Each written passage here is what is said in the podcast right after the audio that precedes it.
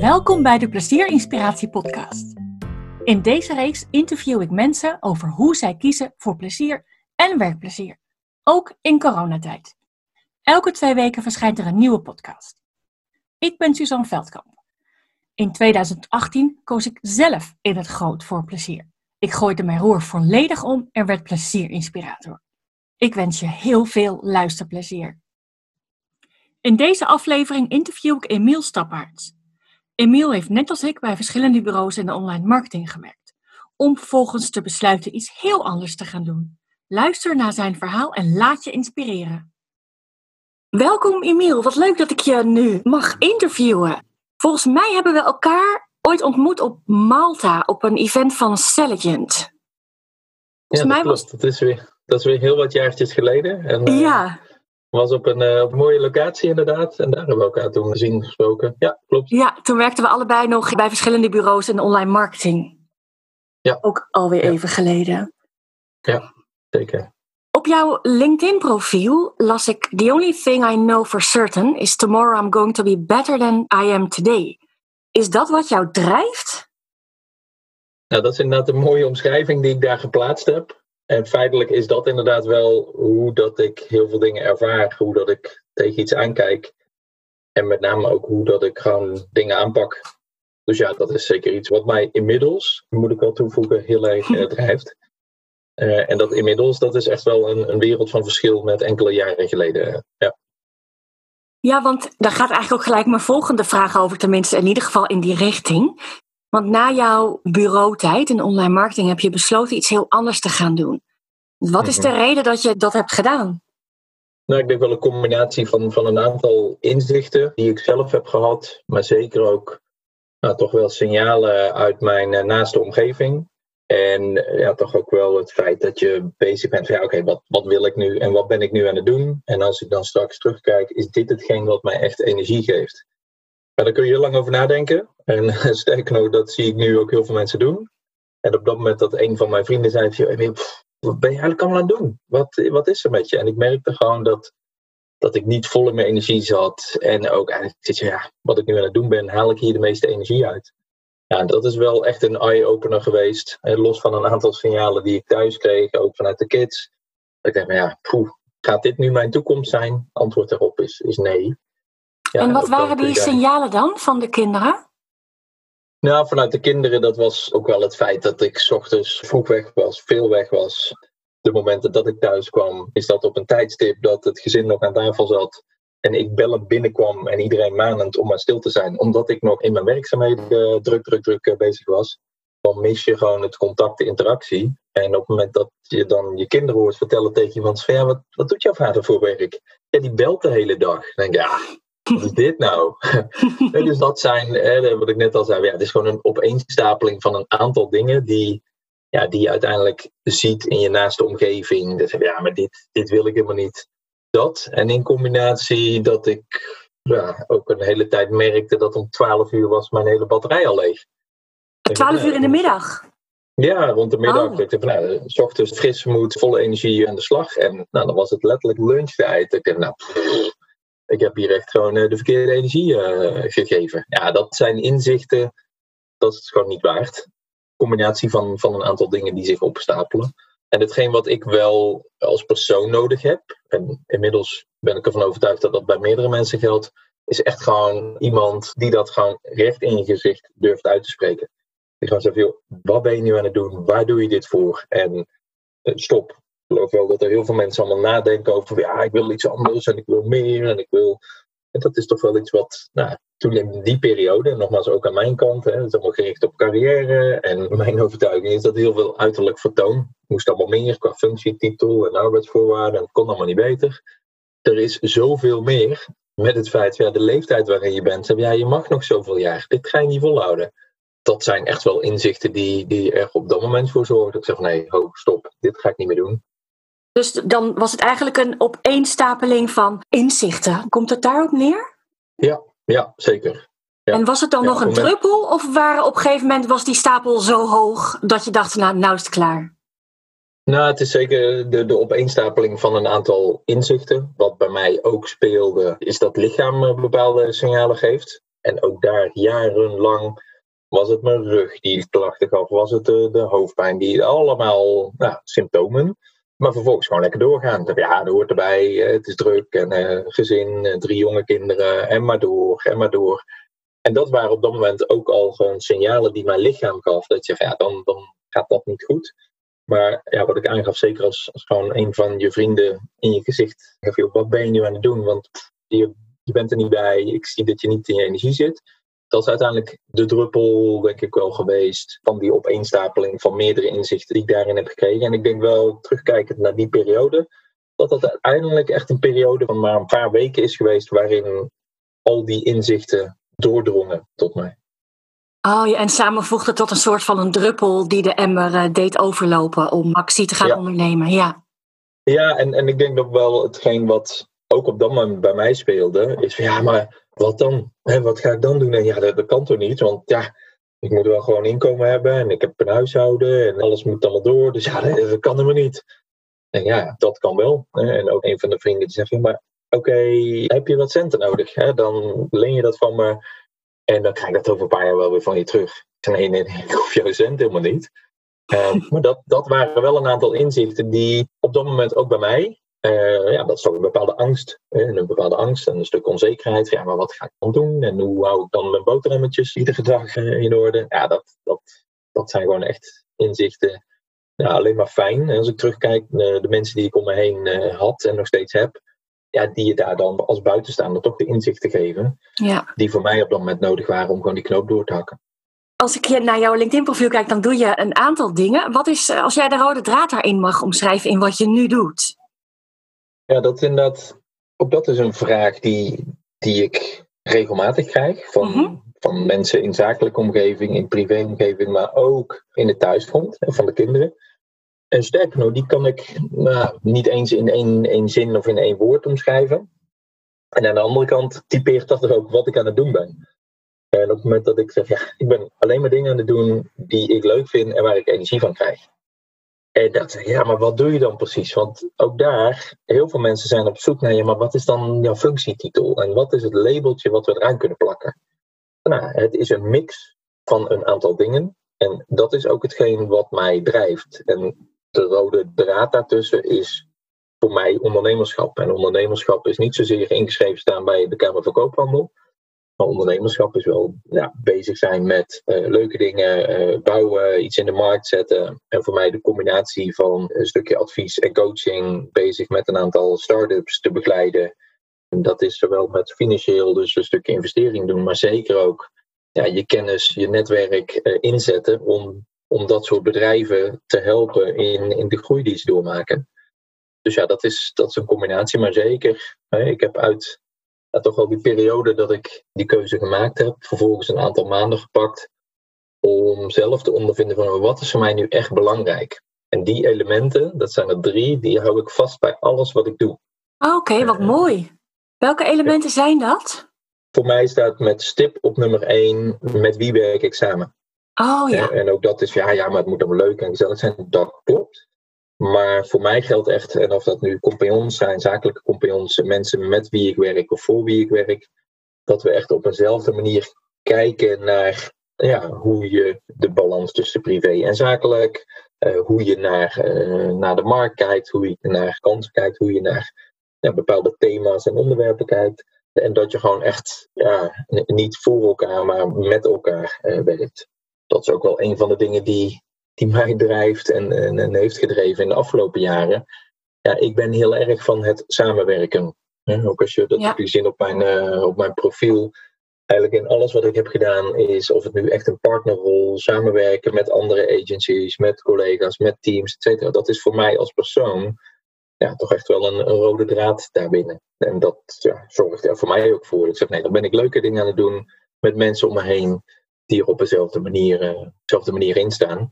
En niet alleen maar in de zesde versnelling aan het knallen zijn. Uh, en als dat nodig is, dan doe ik dat. En dat heb ik jarenlang gedaan. Maar dat zijn ook periodes geweest waarin ik alleen maar in de zesde versnelling en dat ik niet kon terugschakelen. Uh, niet naar 5-4, maar ook niet naar de eerste versnelling. Ja, dat is, in mijn ogen uh, iets wat ik nu wel degelijk kan. En wat voor iedereen gewoon nodig is. Want ja. hard werken en, en veel werken. En nou, heel veel mensen die ik nog steeds spreek. Ja, maar ik ben in de rol s'avonds en in het weekend. Maar door, door, door. Ja, dat vind ik leuk. Ja, maar ik, het moet door. Nou ja, oké, prima. Maar er is nog zoveel meer dan dat. Uh, en of dat nu een hobby is, een sport, uh, je gezin, je vrienden. De afwisseling ook aan die kant is echt nodig voor iedereen om te doen. Anders dan ben je je accu aan het leegtrekken en heeft je geen tijd om, om voldoende op te laden. Ben je niet scherp, ben je niet fris. Uh, normaal spreek ik voor mezelf. Dat heb ik nodig om het verschil te kunnen maken. En het verschil te kunnen maken om, om scherp te kunnen zijn, om me in te kunnen lezen in materie die me aanspreekt. Dus dat is de eerste. De tweede is uh, vrijheid, flexibiliteit, zoals ik dat uh, mooi omschrijf. Ik weet nog goed dat voor mij de tweede job waar ik gestart ben, was bij uh, Vodafone in Maastricht. En op dat moment woonden wij in Leiden. En deze jongen ging gewoon van Leiden naar Maastricht in alle vroegte heen en weer. Ik heb heel wat kilometers gereden. Ik heb heel veel uurtjes in de auto's doorgebracht. dat hoeft niet meer. Ik ga niet meer vijf dagen per week alleen maar uh, reizen, onderweg zijn, et cetera. Uh, ook dat heeft weer met die balans te maken. Als ik denk van hé jongens, ik begin thuis. En of dat nu is om de kinderen weg te brengen. Uh, om tijd voor mezelf te pakken. Of om al werkzaamheden op te starten. Dan wil ik dat zelf kunnen bepalen. En gaan wij niet afrekenen op uurtjes en, en dat soort dingen. Ik zorg dat we met elkaar gaan doen wat nodig is. Maar niet in de modus, ik wil dat je vijf dagen op kantoor bent. Wat ook bij heel veel mensen nog steeds wel de modus is.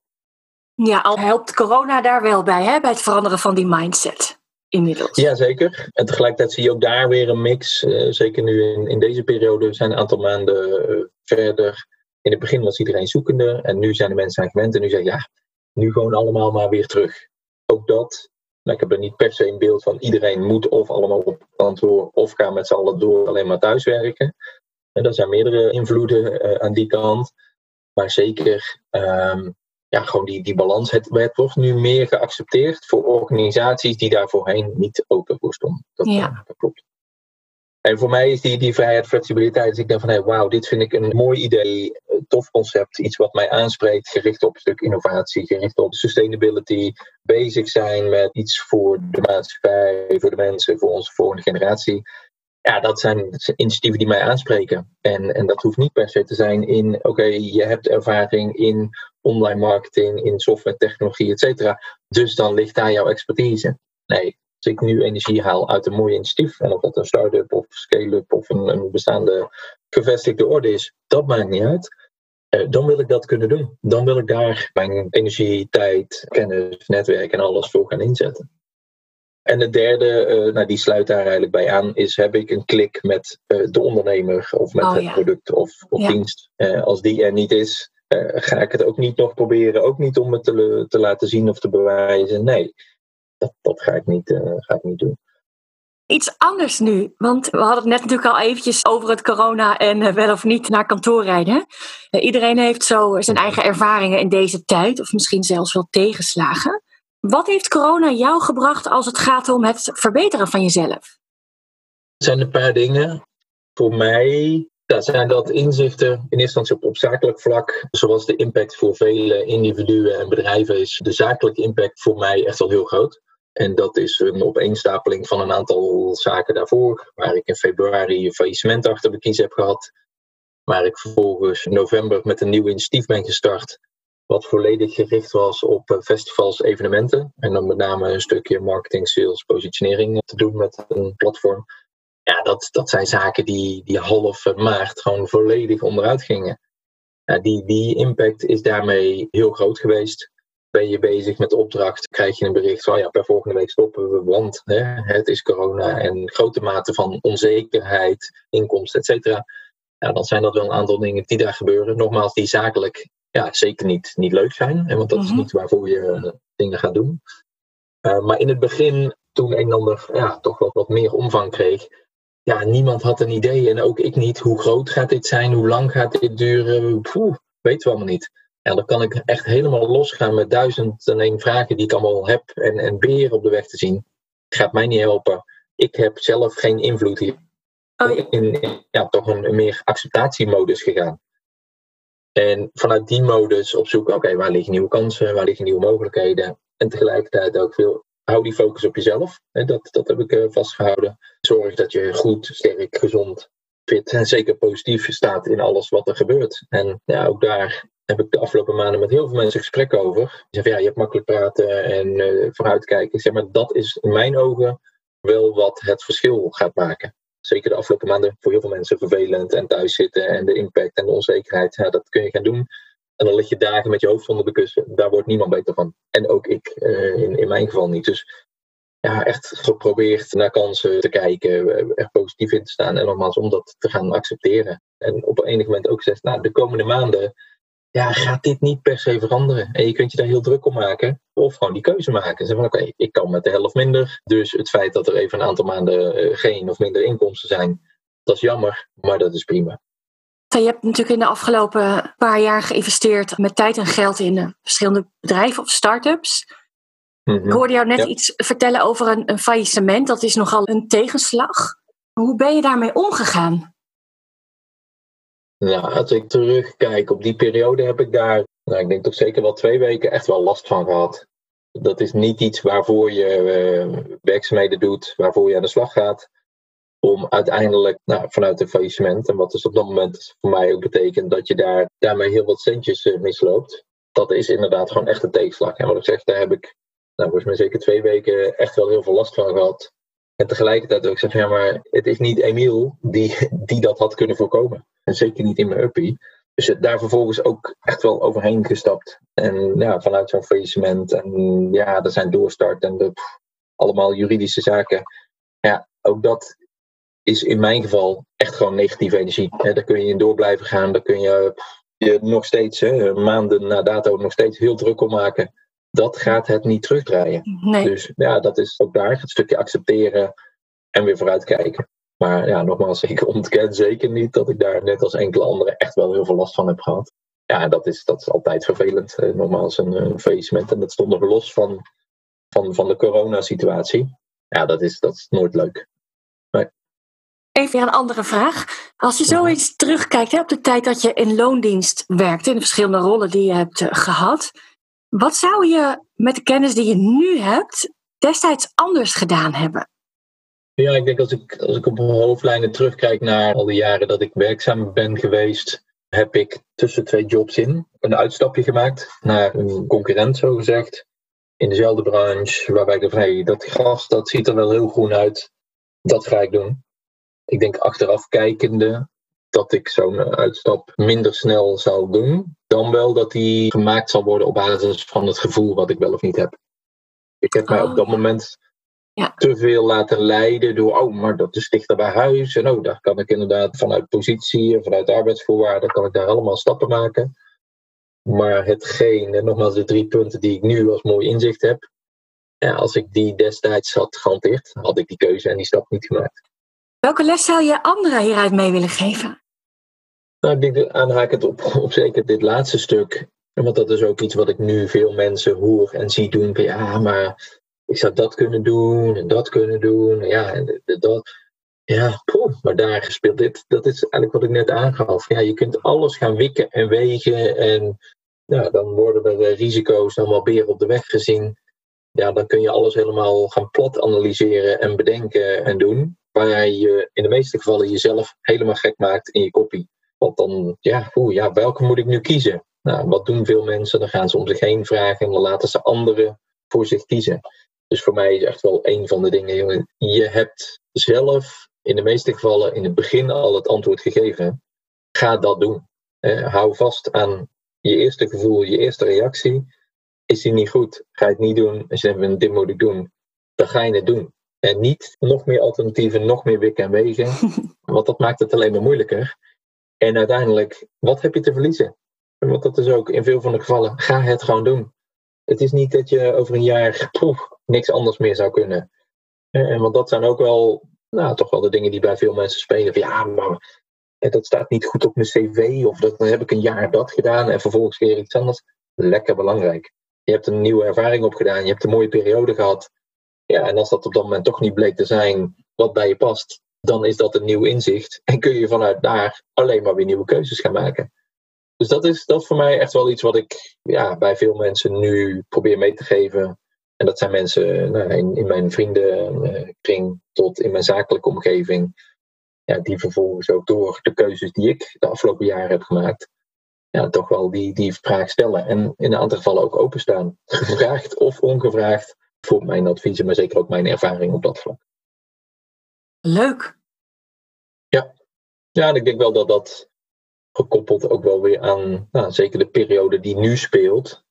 Ja, dat er bij heel veel mensen toch wel ja, een bepaald gevoel komt. En, en de grote vraag van ja, poeh, eh, ga ik dit nu doen? Er zullen een aantal mensen zijn die denken, oh, weet je wat, ik blijf even lekker hier zitten bij de werkgever of de organisatie waar ik nu ben. Want ja, we weten allemaal niet hoe we dit jaar en volgend jaar gaat ontwikkelen.